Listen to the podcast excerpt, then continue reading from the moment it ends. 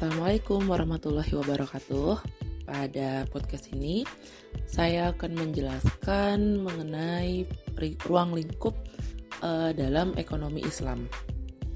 Di pertemuan sebelumnya, uh, kita sudah membahas tentang uh, kulit luar tentang uh, pengertian ekonomi dan ekonomi Islam, di mana pengertian ekonomi adalah segala aktivitas yang uh, tujuan akhirnya untuk memenuhi kebutuhan.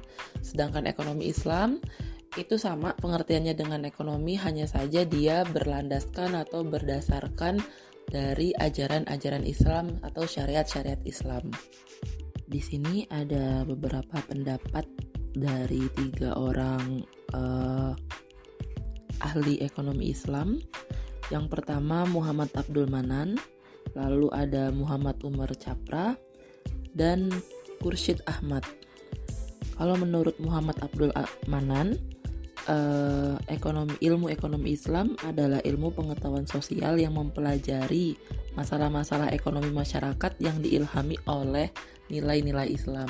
Secara garis besar seperti penjelasan yang saya berikan atau saya eh, sampaikan sebelumnya.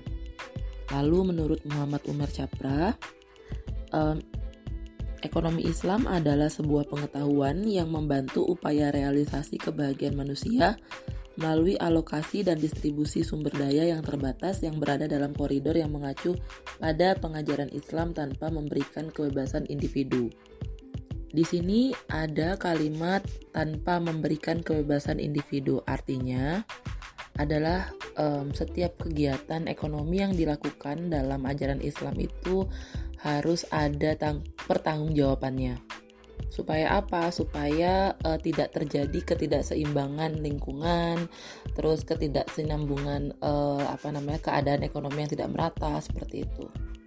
Lalu pendapat yang ketiga menurut Kursyid, Kursyid Ahmad bahwa ilmu ekonomi Islam adalah sebuah usaha sistematis untuk memahami masalah-masalah ekonomi dan tingkah laku manusia secara relasional dalam perspektif Islam. Jadi dari tiga pendapat ahli ekonomi Islam tadi sudah punya gambaran ya kira-kira um, konsep ilmu ekonomi secara konvensional dan konsep uh, ilmu ekonomi Islam yang yang menggunakan syariat-syariat Islam itu secara garis besar sama. Namun uh, ilmu ekonomi Islam itu melengkapi dari ilmu ekonomi uh, secara konvensional karena uh, sifat dari ilmu ekonomi Islam itu adalah positif dan normatif. Dari pengertian ekonomi Islam yang tadi sudah dijabarkan, um, setidaknya kita sudah uh, punya gambaran ciri-ciri atau karakteristik dari ekonomi Islam. Yang pertama bahwa konsep ekonomi Islam ini bisa menjaga fitrah manusia atau menjaga kesucian dari uh, umat.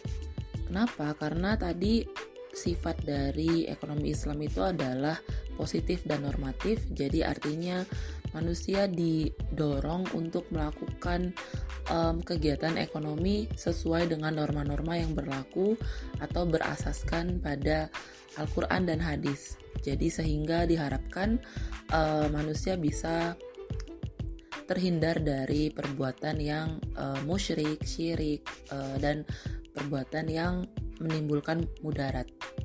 Lalu yang kedua juga memelihara norma-norma akhlak. Sama dengan penjelasan pada poin pertama tadi ya, karena tadi sifatnya ekonomi Islam adalah uh, normatif dan positif di sini yang perlu digarisbawahi adalah normatif. Bahwa norma-norma yang berlaku itu ketika dijalankan artinya umat tersebut atau manusia tersebut mempunyai perilaku yang baik atau berakhlak yang baik. Poin yang ketiga adalah memenuhi keperluan kebutuhan masyarakat. Di sini masyarakat yang di uh, maksud adalah masyarakat secara umum, masyarakat secara keseluruhan.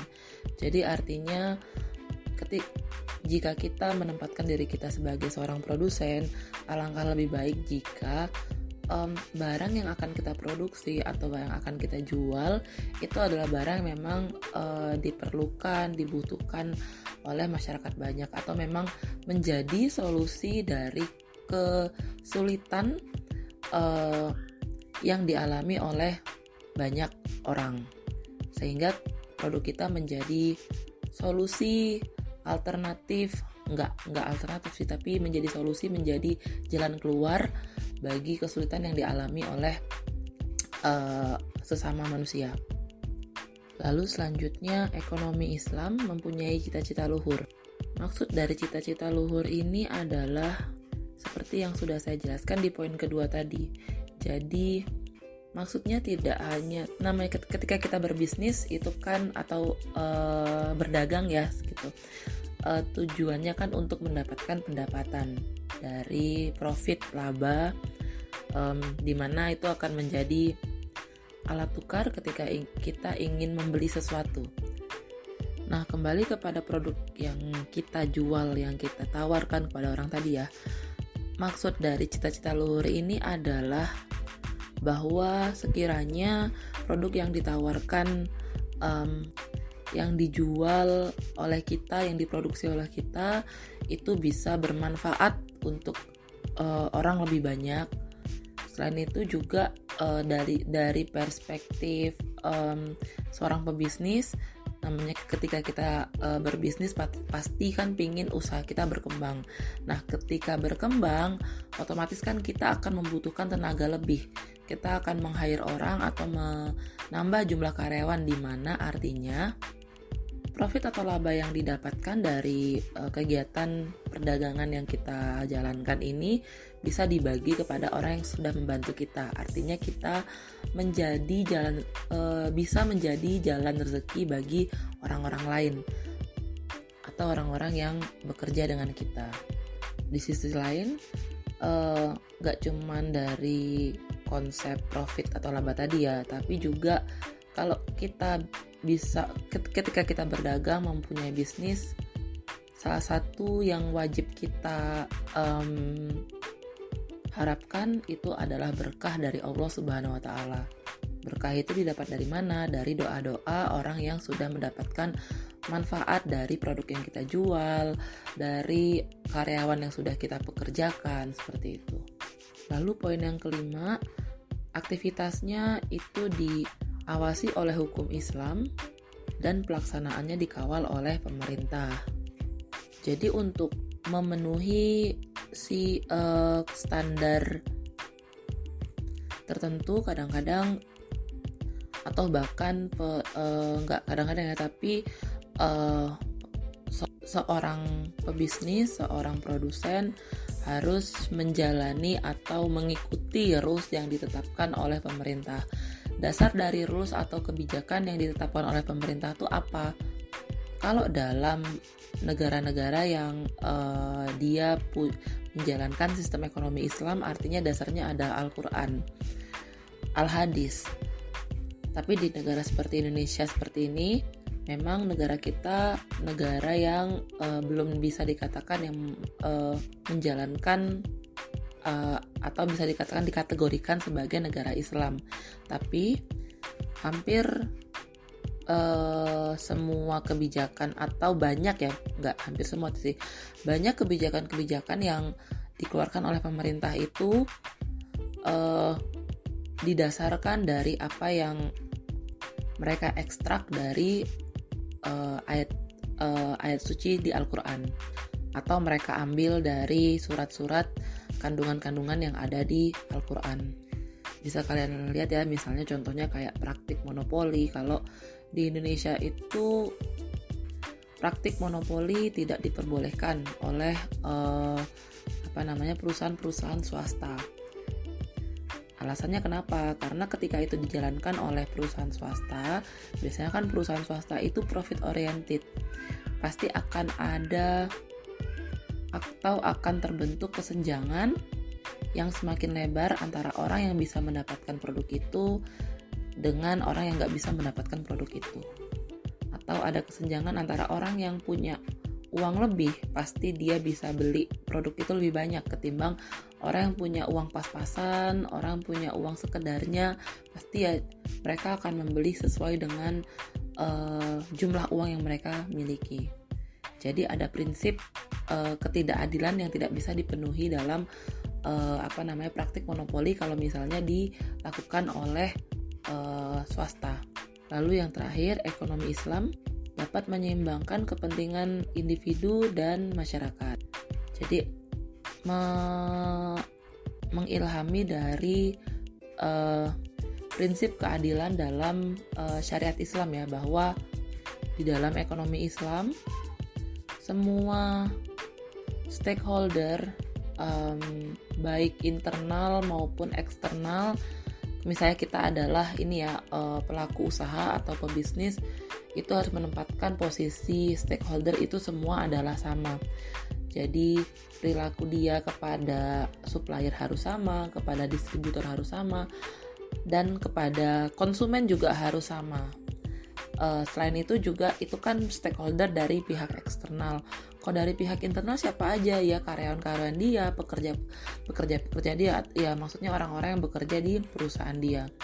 Semua harus mendapatkan perlakuan yang sama oleh uh, si pemilik usaha ini tadi di pertemuan kemarin atau pertemuan sebelumnya saya ada menjelaskan tentang asas dari filsafat hukum dan ekonomi Islam. Yang pertama adalah semua yang ada di muka bumi ini adalah milik Allah Subhanahu wa taala.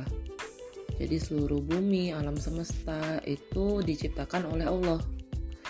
Asas ini menggambarkan konsep tauhid yang nanti akan dibahas di pertemuan ketiga uh, konsep dalam pembentukan ekonomi atau perkembangan ekonomi dalam Islam.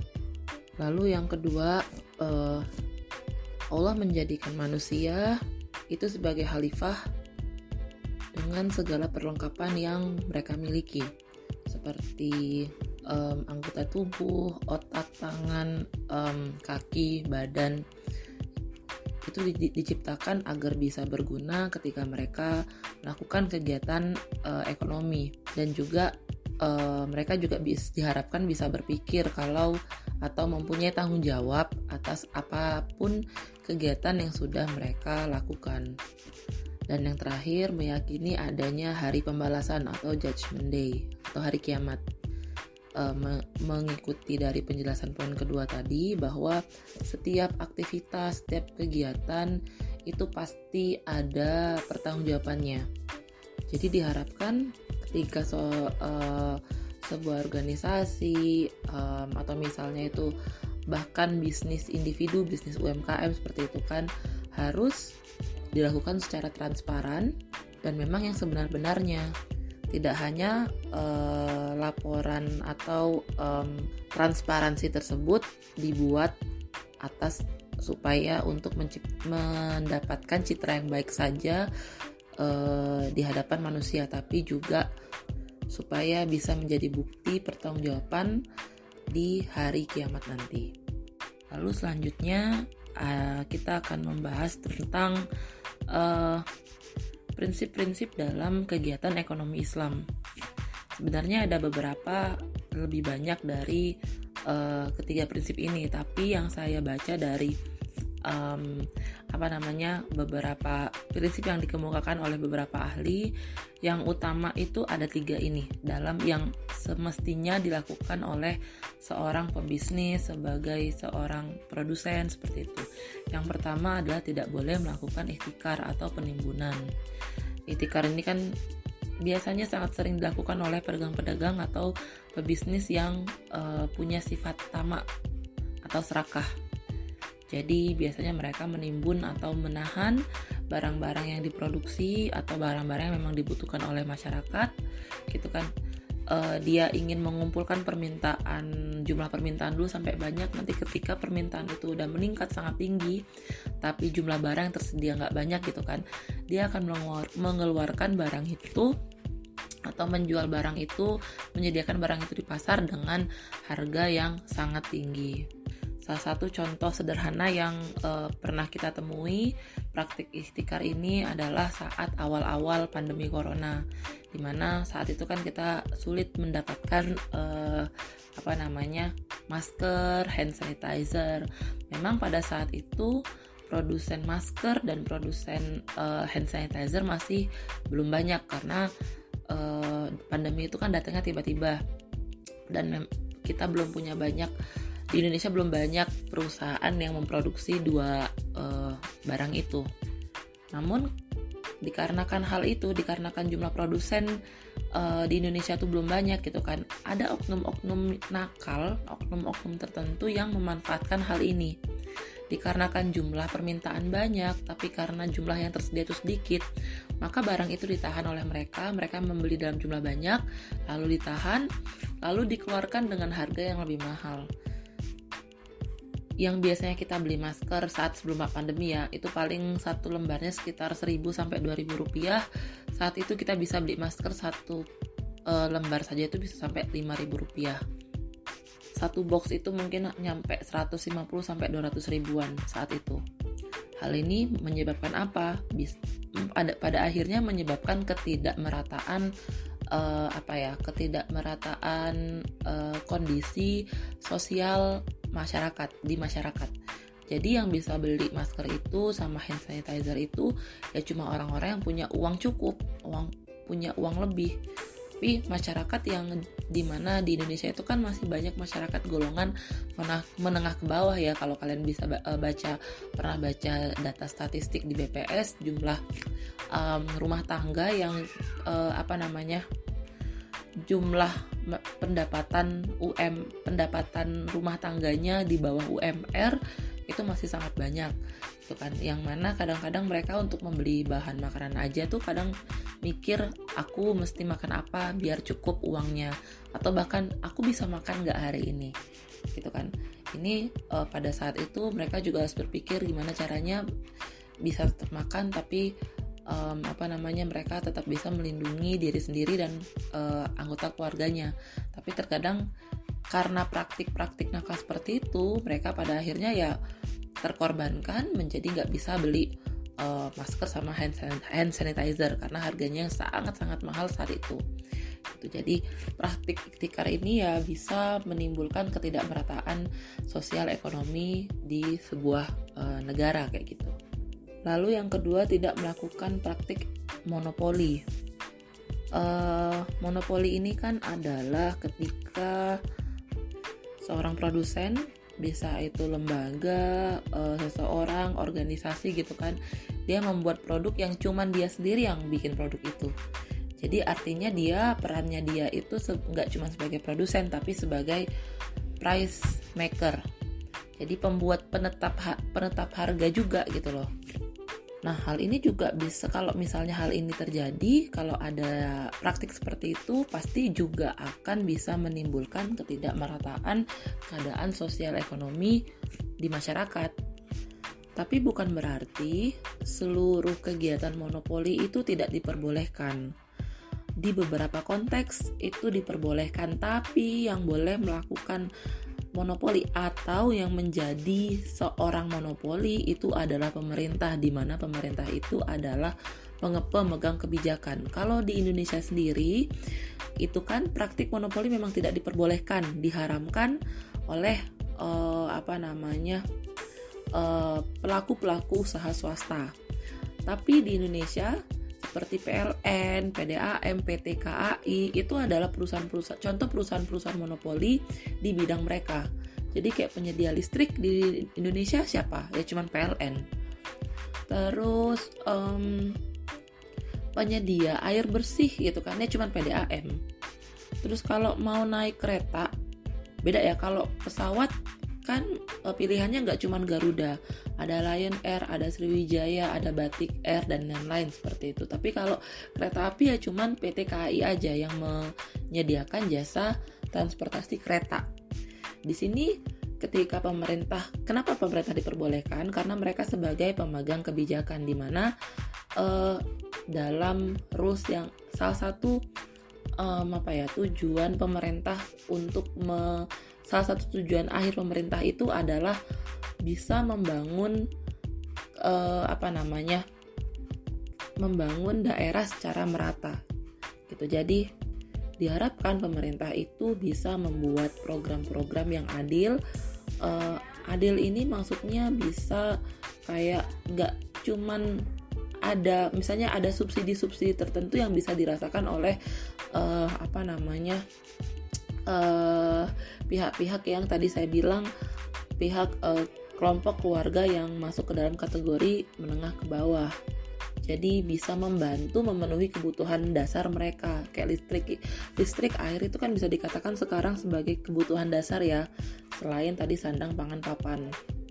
Nah, lalu yang ketiga menghindari jual beli haram atau yang uh, di menyatakan haram menurut syariat Islam. Nah, jual beli yang diharamkan ini yang seperti apa? Yang pertama, apabila jual beli tersebut dia e, komoditas yang dijual itu adalah komoditas yang memang dilarang, seperti senjata tajam, seperti um, obat-obat terlarang, uh, bahan kimia terlarang, seperti itu. Lalu yang kedua adalah jual beli yang mengandung ribawi. Nah, konsep ribawi ini kan um, adalah atau dimaksudkan sebagai pengembangan nilai di mana misalnya kayak ketika kita um, meminjam satu jumlah tertentu kepada koperasi seperti itu lalu kita diharuskan mengembalikan pak de apa namanya jumlah jumlah uangnya itu lebih besar daripada yang kita pinjam. Jadi jumlahnya itu berkembang gak, gak sama lagi dengan jumlah yang kita pinjam. Itu konsep ribawi tadi ya. Nah ada beberapa macam atau beberapa jenis dari riba. Yang pertama adalah riba secara sepihak atau riba fadl namanya.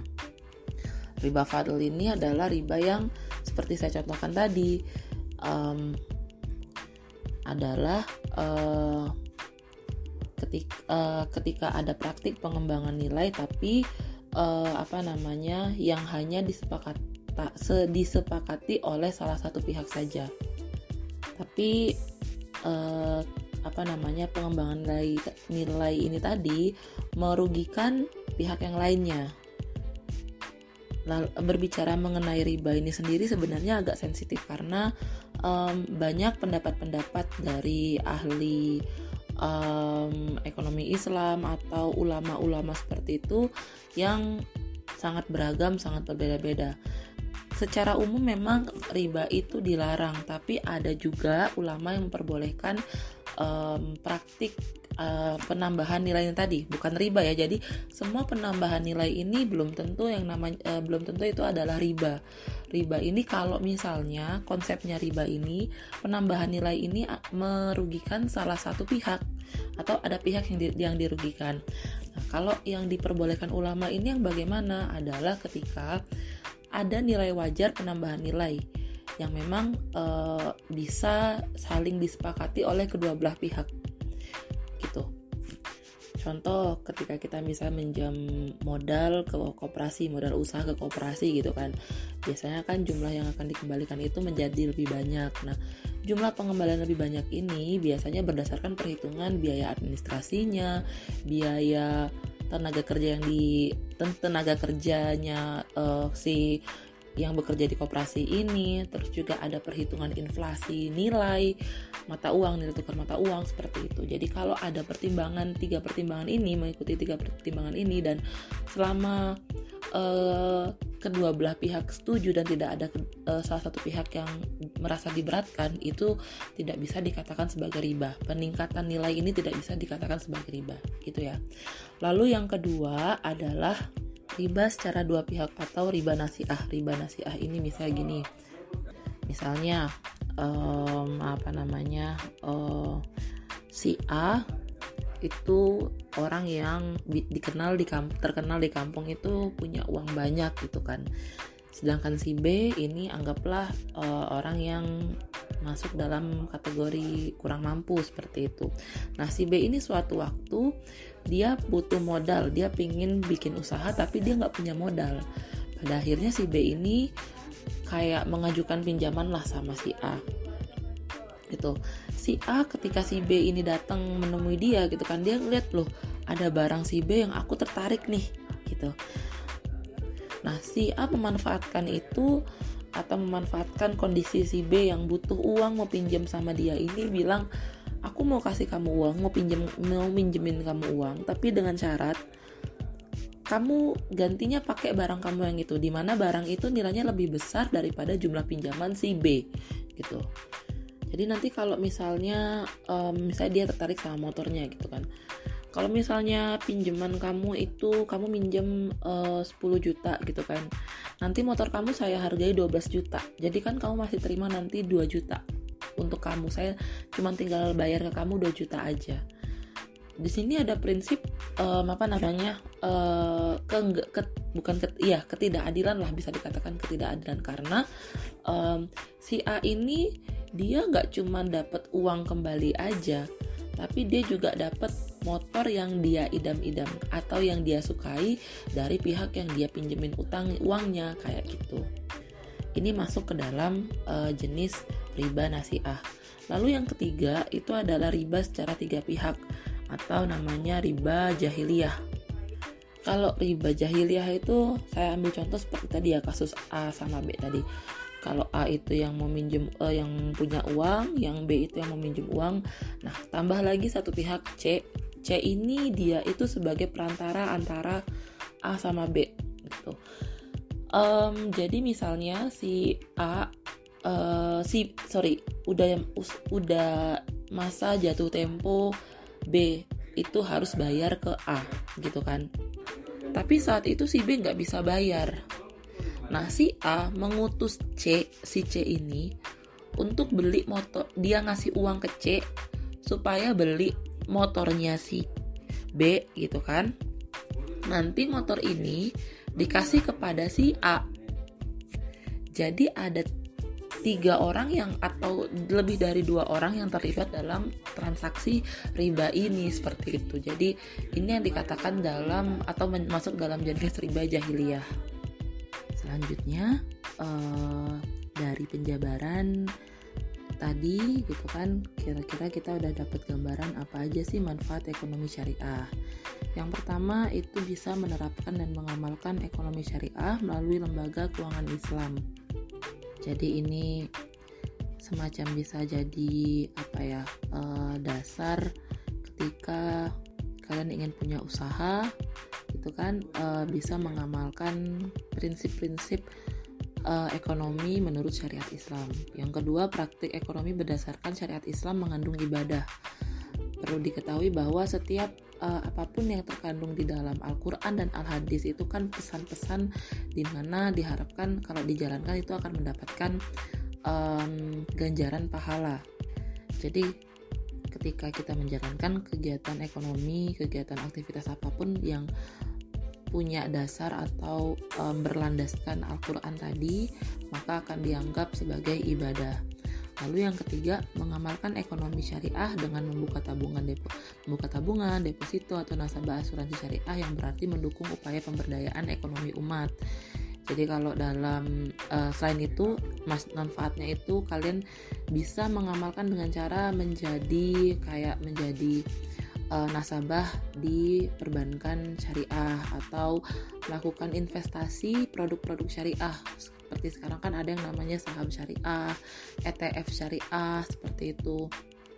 Tujuannya supaya orang lebih aware atau lebih apa ya, lebih uh, banyak yang tahu kalau uh, apa namanya konsep syariah ini bisa diterapkan di uh, produk-produk uh, perbankan, produk-produk keuangan perbankan.